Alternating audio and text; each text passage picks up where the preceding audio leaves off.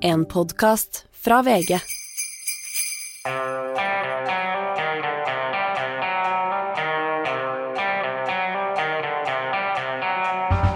Ikke visste jeg at alle disse dagene som kom og gikk, de var selve 2023. Det er den 363. dagen i dette året, som man på mange måter kanskje skulle kunne si heldigvis snart er over, Hanne, hvis det ikke hadde vært fordi at neste år kan bli enda verre. Ja, neste år kan faktisk bli enda verre. Nå, jeg kan ikke huske sist jeg gikk ut av et år med så mye mørke, Anders. Må ha vært i fjor. Nei, det har blitt verre i Ja, år. men det har blitt verre, men jeg tror da vi, da vi avslutta i fjor, så tror jeg også at vi snakket om Jeg kan ikke huske om sist jeg gikk ut av et år med så mye Nei, det har du antagelig rett i, Anders. For det er klart, det var jo Da var det Ukraina-krig, og det var eh, økonomi, og det var mye greier. Strømkrise og Strømpris ja. men, men det har blitt enda mye Ja, mørkere. nå har vi fått eh, Israel-Palestina på toppen, og inflasjon og rentehevinger og, og i det hele tatt. Så eh, jeg tenkte vi, er, vi sitter her nå, Sindre Heierdal, Per Olav Ødegaard, uh, Hanne og jeg, og vi skal um, vi skal oppsummere året litt, vi skal også prøve å se litt fremover. Det er lov å komme med lysglimt, for å si det sånn. Jeg skal ikke slå hardt ned på det hvis noen, eh, hvis noen ser et eh, halvfullt glass eh, her.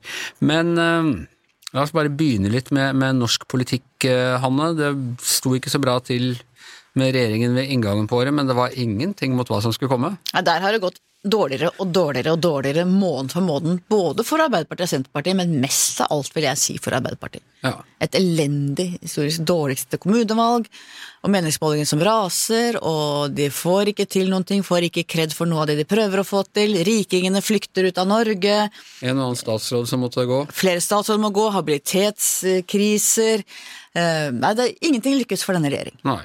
Og øh, vi hørte jo det her før øh, jul i forrige uke at øh, Jonas Gahr Støre mente at nå skulle bare bli litt verre, men så skulle det bli bedre. Ja, og det er ganske farlig for en statsminister og partileder å si at det skal bli litt bedre, for da får folk forventninger om at det skal bli bedre. Så da skal det bli veldig mye bedre for at folk blir positivt overraska, mens det skal ikke så mye til før de blir skuffa. Og skuffa folk, det gir enda dårligere meningsmålinger. Så må man si at altså, noen øh, ting er rett og slett øh, uflaks. Øh, strømkrisa og øh, inflasjonen, øh, blant annet, kom jo rett etter at denne regjeringen hadde tiltrådt, og så ble det vanskelig da å konsentrere seg om de sakene man egentlig hadde vært opptatt av. De var opptatt av, jeg vil si, relativt store luksusproblemer, sånn øh, gjenoppløse ting som den forrige regjeringen hadde slått sammen og, og sånn. Og så har de kanskje brukt litt for mye energi på å gjøre de tingene likevel. Ja, Senterpartiet har fått masse av sine greier gjennom reversering, mens Arbeiderpartiet jo er et reformparti i utgangspunktet. Så Sånn at det har liksom gått bakover i tida hele tiden, og det liker jo ikke Arbeiderpartiets eh, velgere. Så er det jo riktig som du sier, det er dyrtid og uflaks, og vi er jo liksom der at vi syns litt synd på eh, Arbeiderpartiet og statsministeren, og, det, er, jo- aldri bra hvis du begynner å synd på de som sitter og skal lede landet. Men de har hatt mye uflaks òg, det er helt riktig, Anders. Ja, og, Men noen av de som har gjort det ganske bra, det er partiet SV. De skifta partileder her. Eh, Den eh, karismatiske og etter hvert veldig utadvendte og godt medietrente Audun Lysbakken eh, gikk av. Overlot til Kjersti Bergstø, som var regna som litt mer av en sånn eh, Litt mer museumsvakt og, og venstre Litt sur hardliner, Ja, litt sur eh, hardliner, men hun har gjort en kjempejobb. Det går så det griner, og SV får mye ut av dette regjeringssamarbeidet. Ja, og det var utrolig interessant synes jeg, å se Kirsti Bergstø, for at hun uh, har jo vært en litt sånn introvert, ikke så blid politiker, egentlig, manges oppfatning. Og så har hun bare vokst og vokst og vokst etter at hun tok over. Og vi så det nesten fra partilederdebatt til partilederdebatt i valgkampen, hvordan hun slapp seg stadig mer løs, eh, slo på sjarmen, ble friere i rollen, ble på en måte kulere. Og så har det bare gått oppover for SV etter det. Og så hun har overraska stort, sånn noen av oss som da ikke trodde det skulle gå så bra. Vi må bare bite i oss til og si at det var et godt valg fra SVs side. Og så vet vi at partiet til venstre for henne gikk på en ordentlig smell her i sommer med partileder eh, Bjørnar Moxnes, som altså eh, rappa et par solbriller på eh, Gardermoen. Brukte litt tid på å klargjøre helt hva som hadde skjedd. Måtte gå av som partileder og ble enda en liten runde med noe sånn butikktyveri-greier etterpå. Hvor mye har det hatt å si for at de har stått i hvert fall i beste fall litt mer stille mens eh, SV har vokst. Klart Han var jo et kjempeasset for Rødt. De som eh, stemte Rødt, de likte han veldig veldig godt. Veldig mange andre likte han ikke så godt. Men eh, Rødt-velgerne Han har virkelig bygget det partiet nesten fra scratch og gjort det til et stort parti. Så det er klart Når han gikk på den personlige smellen som han gjorde, så var det jo mange som var avventende til hvordan dette skulle gå. Men Marie Sneve Martinussen som tok over, har jo allikevel eh, klart å markere seg og gjorde det ålreit i valgkampen. og det har liksom ikke gått til bånns, selv om det ikke har eh, vokst veldig og ikke har vært noen supersuksess. Og så har det altså vært en rekke da eh, skandaler som har hjemsøkt eh, regjeringen. Vi hadde da Borten Moe-skandalen, altså aksjeinvesteringer i, strid med habilitetsreglene. Jeg trenger ikke å gå inn i detalj. Det var Tonje Brenna som var inhabil i eh, forskjellige situasjoner, særlig i forhold til én person. Det var kulturminister Anette Trettebergstuen som eh, var inhabil, og det, til slutt også da utenriksminister Anniken Huitfeldt, som først var bare litt inhabil, så det var ikke så farlig, men så så viste seg at dette måtte hun gå for likevel. Til tross for alle de skandalene så er den den største, mest langvarige tingen Det er klart det er viktigere når du er statsråd, men den mest langvarige pågående avsløringen, den har dreid seg om Erna Solberg og hennes ektemann. Ja, og det er en helt utrolig sak hvordan Sindre Finnes har sittet i statsministerboligen og daytrada, altså handla aksjer hele veien, og, og satt sin kone, daværende statsminister, i inhabilitetssituasjoner gang på gang. Eh, og allikevel så blir altså Erna Solberg sittende, selv om hun har vært inhabil og har virkelig ikke fulgt godt nok med på sin ektemann. Og er ikke noe særlig mindre populær heller, tvert imot. Nei, nå kan det jo hende, Anders, at det har sammenheng med at høyrevelgerne er så oppgitt over dagens regjering at de vil ha et regjeringsskifte uansett. Det er ikke gitt at det er fordi de liker Erna Solberg eller at hun fortsetter. Og jeg bare ser, Vi skal jo ikke drive svogerforskning, men jeg ser jo folk jeg snakker med også, folk som er utenfor vår boble, som syns det er veldig rart at hun blir sittende. Så det kan handle vel så mye om misnøye med Jonas Gahr Støre og Arbeiderparti-Senterparti-regjeringa som med at de faktisk ønsker seg Erna Solberg. De vil kanskje ha Høyre og et regjeringsskifte, mest av alt. Men ikke for å drive, ja, dette er ikke engang svogerforskning, for jeg har ikke spurt svogerne mine om det, jeg tror de er, kanskje er uenige med meg, men jeg øh, føler litt at det er altså øh, det er noe med Erna Solberg og hennes måte å håndtere det på som vi kan godt hisse oss opp over i pressen, og som de hisser seg godt opp over i øh, opposisjonen. Den derre uforstyrreligheten hun gikk gjennom hele den maratonen av intervjuer og Eh, den, hva var det vår gamle venninne eh, Tone Sofie Aglen kalte det den solbergske parlamentarismen, hvor hun på en måte åpner for at folk kan ha gjort noe dumt rundt henne, har sagt noe gærent rundt henne, men hun jazzer seg ikke opp over det. altså Hvilepulsen hever seg ikke. At det tjener, eh, tjener henne i denne situasjonen? Jeg tror det har båret henne langt og gjorde at hun var så suksessrik som hun faktisk var eh, gjennom de åtte årene. Bortsett fra at det var jo pandemien som redda henne, for hun lå jo dårlig an rett før det.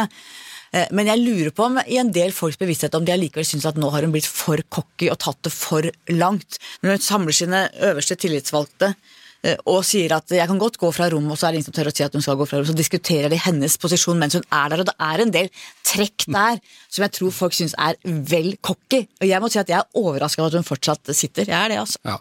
Ok, altså, Sindre, Det har vært en sånn sannhet i politikken siden 90-tallet med 'it's the economy stupid'. Hvis øh, økonomien går bra, så gjør det sittende regimet det bra. Hvis økonomien går dårlig, så går det dårlig den har fått noen utfordringer, ikke bare i uh, Norge, men, men uh, over hele verden. Er, er liksom noe i ferd med å forandre seg, den dynamikken mellom økonomi og politikk, tror du? Jeg tror vi ser at uh, veldig mange demokratiske land også sliter jo uh, de sittende med oppslutningen nå under uh, dyrtiden. Fordi det er en veldig guffen nøtt å knekke for regjeringer og administrasjoner. det var på mange vis, sett særlig sånn i etterpåklokskapens klare lys, på mange måter lettere å styre under pandemien. For da kunne du til en stor grad svare med å pøse penger på problemet Samtidig ble du assistert av sentralbanker som dunket renten ned null, sånn at folk reelt sett fikk veldig god råd. Så når, når, når man ikke lenger fryktet for egen helse, så sto du egentlig ganske godt til med familieøkonomien. Mens nå ser vi jo at eh, eh, statsminister, Joe Biden, eh, Tysklands statsminister. Alle sliter veldig på omdømmemålingene, og det er mange andre land, inkludert eh, som kjent vår egen Jonas Gahr eh, Støre.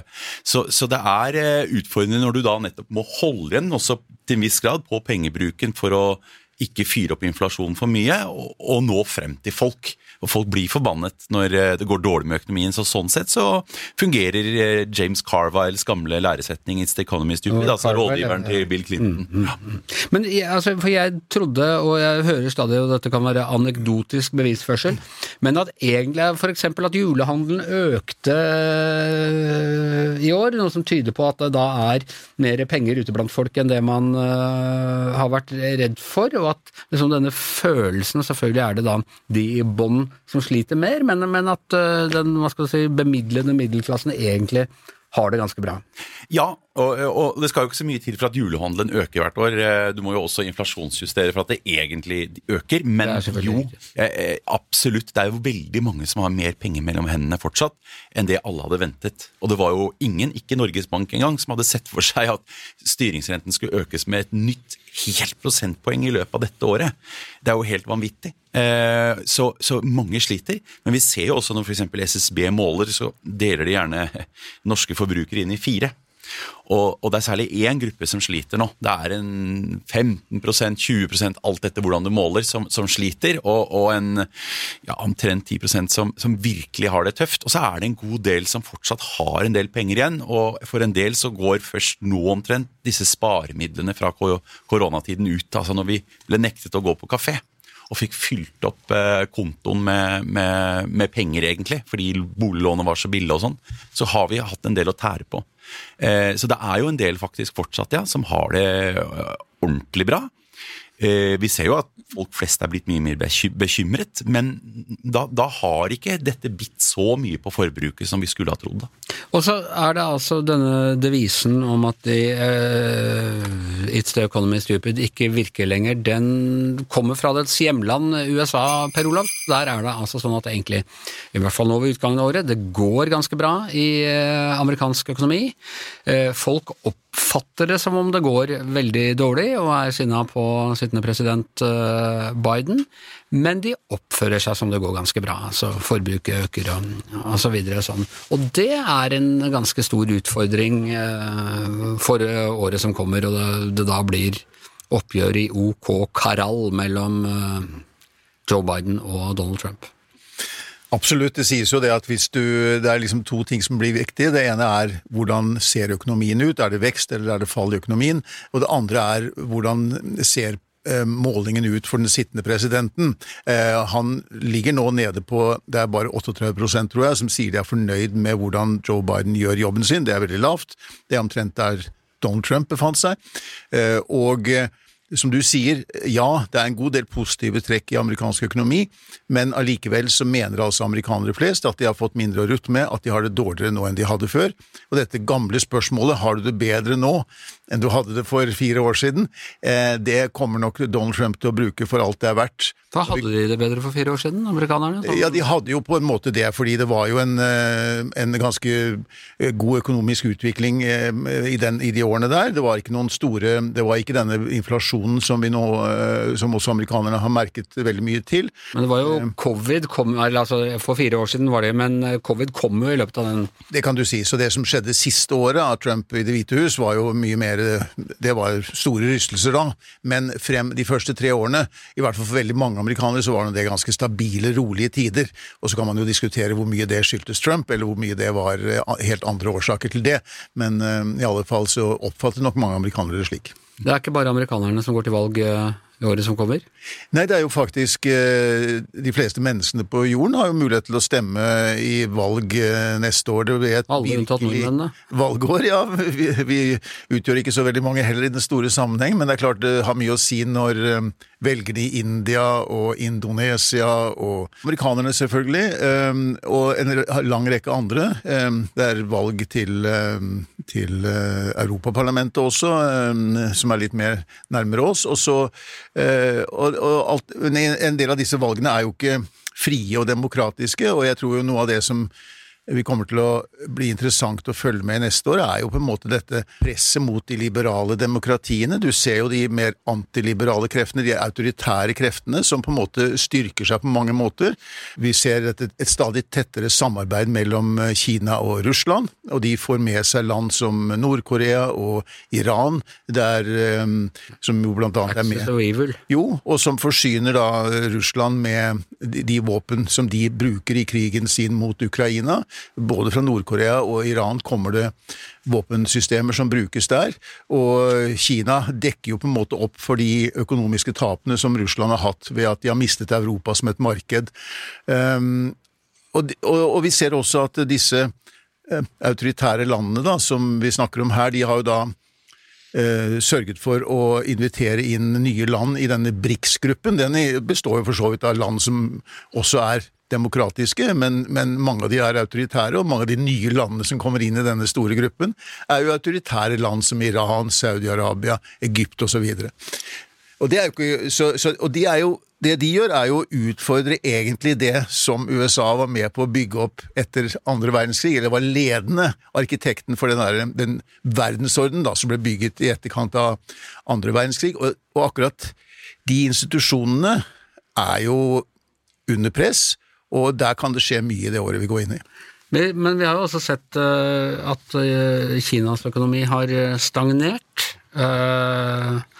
Og jeg vet ikke, Skal man håpe på at eh, det fortsetter? Ja, altså, hvis eh, Kina hadde vært en veldig konstruktiv eh, part internasjonalt, så burde vi jo håpe på at Kinas økonomi gikk veldig godt og bidro til verdensøkonomien. Kina har vært veldig viktig for norsk velstand nå. Særlig de første 15 årene omtrent av dette århundret så nøt vi veldig godt av at Kina vokste opp. Vi kunne selge vår olje dyrt og importere billig tilbake. Men når diktator Xi Jinping av Kina er så autoritær autoritær, og også kjøre en sånn ulvekrigsdiplomati mot eh, andre land, så kan du lure på om det egentlig er en fordel på mange måter at uh, Kina sliter. Det er fælt for uh, de undertrykte innbyggerne der. Men det kan jo potensielt begrense Skis aggressivitet uten, utenlands. Litt som vi så antydningen til, vil jeg når han møtte Joe Biden i San Francisco. Han var litt mer ydmyk, og det henger nok litt sammen med at han har påført Kinas økonomi mange selvskudd.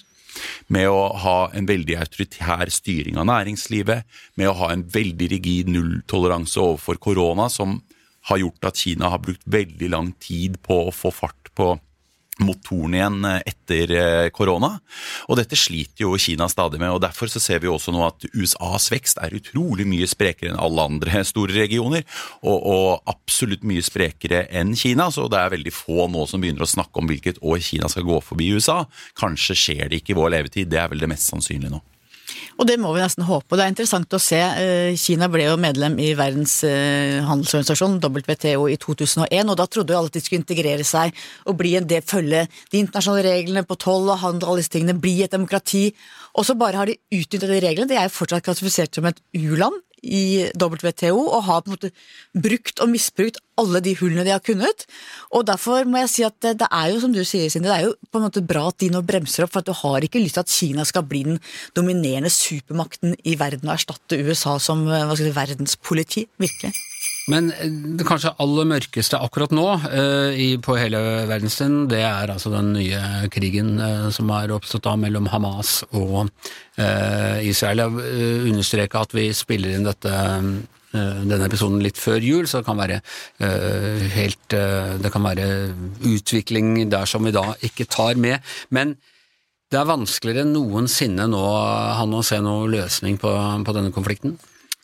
Jeg var jo i Israel to uker nå i høst etter terrorangrepet fra Hamas, og det er Altså, det er enorme lidelser på Gaza. Det er helt fryktelig å se. Og på den andre siden har det traumatisert folk som på en måte har mista grunnen over beina sine. Det er ikke mulig å se at disse to, som på en måte avstanden blir større og større, blir en avgrunn mellom dem, hvordan de skal kunne møtes. Samtidig så er det jo mange som sier at når det er så umulig som det er nå, så kanskje det ut fra det faktisk vil kunne bli en tostatsløsning, for at det er det eneste valget av umulige valg akkurat nå, for det er ikke noen annen mulighet. Disse de kan ikke ha en enstatsløsning hvor de skal kunne leve sammen, det er ikke mulig etter dette.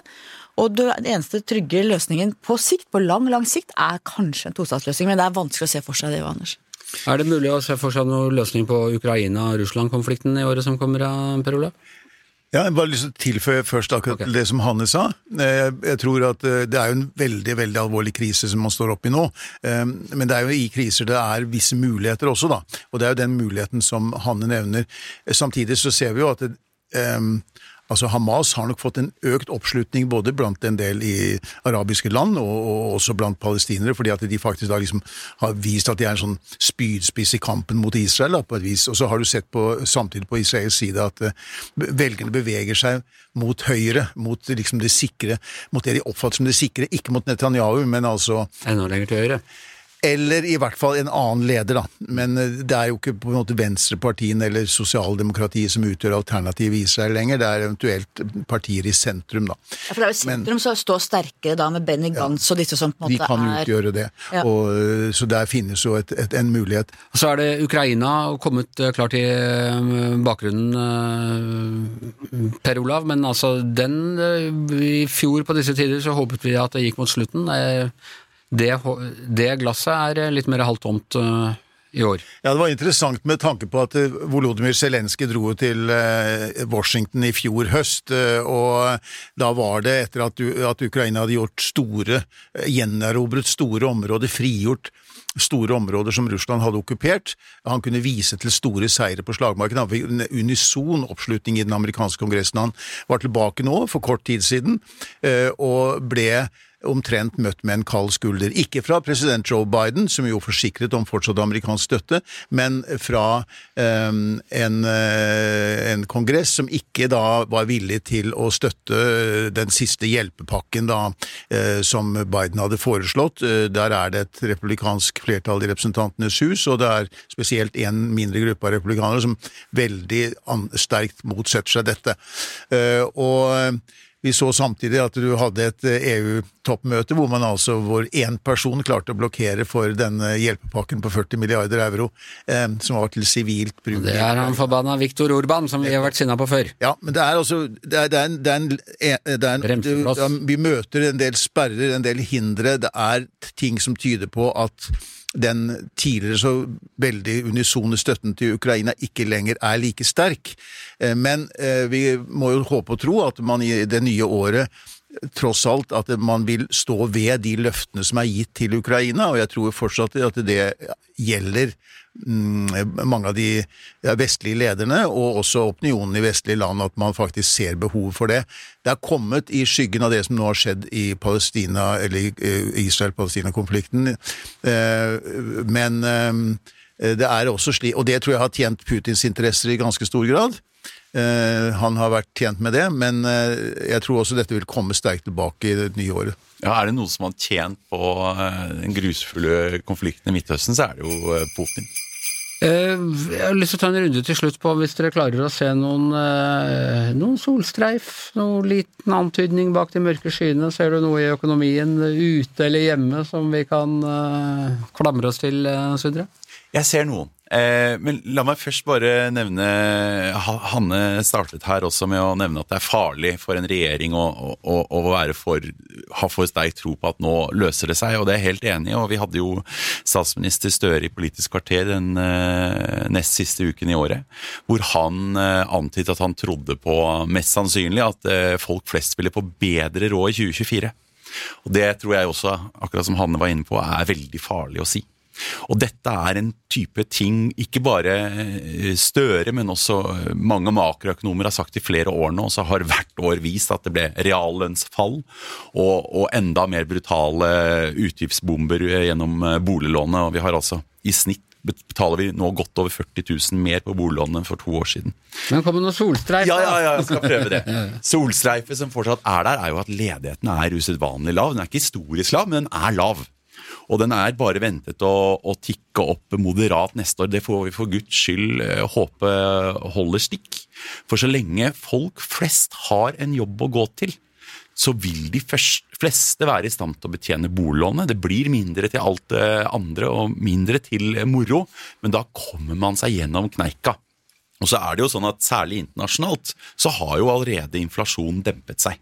Den er fortsatt langt over målet, men den er på vei ned. Norge dessverre pga. en svak krone eh, sliter med mer uh, usikkerhet om inflasjonen. Men også her er det grunn til å vente at den etter hvert demper seg. Og at vi kanskje forhåpentlig allerede nå står på rentetoppen, eller renteplatået, en lang har dagen vidd da. Og i beste fall at vi får et rentekutt iallfall mot slutten av neste år. Og da begynner vi å se at nå slutter i hvert fall disse utgiftsbombene eh, å, å komme ubehagelig overraskende på oss. Det blir et tøft år privatøkonomisk. Jeg tror at eh, vi bør ta høyde for at det blir reallønnsfall igjen. Altså at prisene mer enn spiser opp eh, lønnsøkningen. Og særlig når vi tar hensyn til at det blir enda dyrere med boliglånet. Men at det er, kan være i neste år at det snur. Ja. Og det er jo litt godt også sånn mentalt, i hvert fall se at det går riktig veien. Vi kan også håpe på mye regn og dårlig vær, så at det blir billigere strøm. Det er all grunn til å ta regndansen til enhver tid. Hanne, ser du noe i, i, norsk politikk eller norske samfunnsforhold eller sånn som du tyder på, tyder på at ting skal gå bedre? Jeg hadde lyst til å velge verden jeg nå, Anders. Ja, ta verden, da. Men... Det, er for, det er jo presidentvalg i USA i november 2024, og man kan jo håpe at det setter seg press på en fredsforhandling som kan ivareta Ukraina. Kanskje, men Putin vil jo ikke, så det var ikke mye håp der. Men et lite håp. Eh, og så håper jeg jo at altså den Krigen i Gaza kan jo ikke vare og vare og vare. At den må ta slutt. Men det jeg skrev her som liksom mitt fremste lysglimt, er at det blir vår hvert eneste år. Ja. Og hvis det blir sånn litt våt vår i år, så blir det billig strøm også. Men jeg vil ha sol, Anders. Jeg vil ha sol. Men uh, du, ser, du, ser, ikke noe spesielt lysglimt for uh, regjeringen, eller for uh... Det er jo knytta til det Sindre snakker om, med at vi, hvis man klarer å ha, ha, lav ledighet, hvis renta går ned, hvis folk flest får det bedre, det må man jo håpe at Jonas Gahr Støre har rett når han lover det. Og i hvert fall ikke får det verre. I hvert fall ikke får det verre. Ja, ja. Og på verdensarenaen det, det positive er at det ikke er presidentvalg i USA akkurat nå, for da tror jeg Donald Trump hadde vunnet. Jeg tror at eh, en del av de økonomiske utsiktene for USA er langt bedre neste år, som Sindre er inne på. Eh, det kan eh, bikke det valget i Bidens favør. Jeg tenker at det er noen Det, det tror jeg blir utro... Blir neste års viktigste hendelse, det presidentvalget i USA. Eh, og så syns jeg det er positivt å se at det er kommet en ny dynamikk inn i det nordiske samarbeidet. Altså nå er alle de nordiske land Sverige kommer til å bli medlem av eh, Nato eh, i 2024. Da er alle landene med der. og Vi har også fått et mye sterkere samarbeid med de baltiske landene. Vi har fått en en eh, europavennlig ny leder i Polen. Det er en del ting å glede seg over, og jeg tror at det samarbeidet der er ganske verdifullt også for Norge. Eh, så det er eh, riktignok framskyndet av noe som er en krise i Europa, en krig i Europa, Ukrainas skjebne og, Russlands brutale krig, men likevel, vi har funnet sammen, og det er bra. Jeg må si, Der syns jeg Per Olav hadde en kjempefin håpstale. Jeg vil si at Det var ti poeng til deg, og ikke så mye til Sondre. Per Olav er alltid veldig god til det. Av og til sånn på morgenmøtene sier vi jo du har alltid så mye dårlige nyheter. Blir Per Olav litt forstyrra, så kommer han tilbake på neste morgenmøte, og så har han en rekke sånn Vi har nådd så og så mange av tusenårsmålene plutselig foran. Jeg er lett etter lyspunkter, Anders, og jeg ja, det hver dag, Du er en Profesjonell lyspunktsøker. La meg bare nevne altså Innen økonomien så er det litt rart når, når, eh, mange sliter med å få endene til møtes, men så har børsen altså hatt en fest. Ikke så mye Oslo Børs, for den er fryktelig dominert av olje og gass, men børser flest har steget 20 Og selv om børser og realøkonomien, den ekte økonomien, ikke alltid henger sammen, så henger de sammen over tid. Eh, og det er altså knyttet mye håp til at kunstig intelligens skal gjøre oss mer produktive eh, og holde fart i økonomiene. Og så har det jo skjedd veldig mye på tampen av året også. Forventningen nå er jo faktisk at f.eks. i USA så skal de kutte renten fem-seks ganger neste år. Eh, den amerikanske sentralbanken selv sier tre. Skulle noe sånt holde stikk, så vil jo også flere etter hvert, selv om i USA har de fleste fastrente, så vil, vil f.eks. amerikanerne komme i bedre humør, tror jeg. Det er også sånn at demokratene har vunnet de fleste valg, selv om målingene ikke er så gode. Så, så jeg, jeg, tror, hvis jeg skal komme med en dristig spådom, at, eh, at Joe Biden eh, vinner. Eh, og, og, det er ikke Han gjør det faktisk bedre enn en del andre eh, regjeringsledere når du ser på personlig oppslutning. Det er ikke så ille som noen skal ha det til nå. Eh, og dette med at Joe Biden vinner, det betyr utrolig mye også for å forstå Ukraina. Vinner derimot eh, Trump, så vet vi jo hva som kan skje. Putin lurer jo som en ulv eh, og venter på en eventuell eh, Trump-seier. Dette har vi veddet om før. Eh, Det blir tredje gang. Skal vi, skal vi ta en her nå på tampen av året og vedde om hvem som er eh, president, eh, blir valgt til president i eh, november om elleve måneder? Ok, jeg vedder igjen sånn at jeg får litt trøst hvis jeg vinner. Jeg vedder en flaske vin på at det blir Donald Trump, for da får jeg en flaske vin til å trøste meg med hvis det går så gærent. Per Olav? Jeg tror Joe Biden vinner. De fleste amerikanske presidenter blir gjenvalgt. Og så er jeg ganske sikker på at Donald Trump kommer til å si at ikke erkjenne noe nederlag. Ja.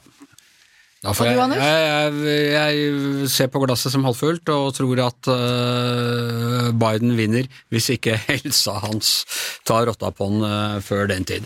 Og skal vi ta en helt sånn veldig mikropositiv uh, positiv øh, ting i året som gikk, og som vi håper går videre til neste år, så er det at denne podkasten har gått veldig bra og fått enda stadig flere lyttere i eh, løpet av året. Vi er inne i en god steam, det syns vi er veldig hyggelig. Setter veldig pris på alle tilbakemeldinger eh, eh, vi får. Neste år så går vi inn i vårt tiende år. Og det håper vi selvfølgelig også skal eh, gi oss det vi i gamle dager kalte inngangsfart i uh, avisopplaget, som gjør at vi skal slå nye rekorder. Tusen hjertelig takk til alle dere som har eh, fulgt oss. Fortsett å følge oss. Spre det glade budskap. Giæver og gjengen er over for i år. Tusen takk til uh, Hanne, Per Olav, Sindre, jeg heter Anders, hele resten av gjengen står bak oss, og mannen som sørger for at vi kommer, har kommet ut hver eneste hverdag i hele dette året, er vår produsent Magne Antonsen. Du har hørt en podkast fra VG. Ansvarlig redaktør, Gard Steiro.